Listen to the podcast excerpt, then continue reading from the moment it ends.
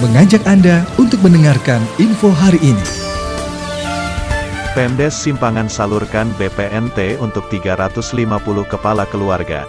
Cikarang Utara, Pemerintah Desa Simpangan, Kecamatan Cikarang Utara menyalurkan bantuan pangan non-tunai, BPNT, tahap 2 untuk 350 kepala keluarga, KK, yang berlangsung di Aula Kantor Desa setempat, pada Rabu, tanggal 16 Maret tahun 2022, Kepala Seksi Kesejahteraan, Kesra, Desa Simpangan, Har Muhammad Ali mengatakan, pemberian BPNT ini awalnya dalam bentuk sembako di e-warung.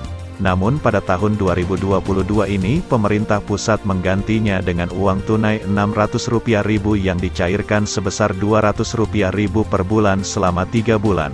Alhamdulillah hari ini kami menyalurkan BPNT untuk 350 kepala keluarga pada tahap kedua, dan tahap pertama sebanyak 328 kepala keluarga.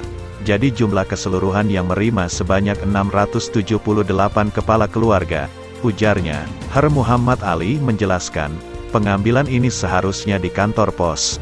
Tetapi untuk saat ini kurirnya terbatas, karena di Kecamatan Cikarang Utara ada beberapa desa yang melakukan pencairan BPNT secara serentak.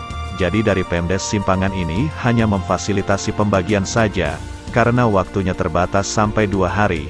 Terangnya, selain itu, Har Muhammad Ali menyebutkan, apabila ada kesalahan dalam administrasi seperti ada kesalahan NIK, nama tetap penerimanya itu diberi waktu maksimal satu minggu, bukan hanya dua hari. Ya, mereka datanya disimpan di pos apabila salah data, otomatis dana BPNT itu tidak bisa dicairkan, karena pencairan itu sesuai data dan administrasi. Ucapnya, selain itu, Har Ali Muhammad menjelaskan, dalam pengambilan BPNT ini.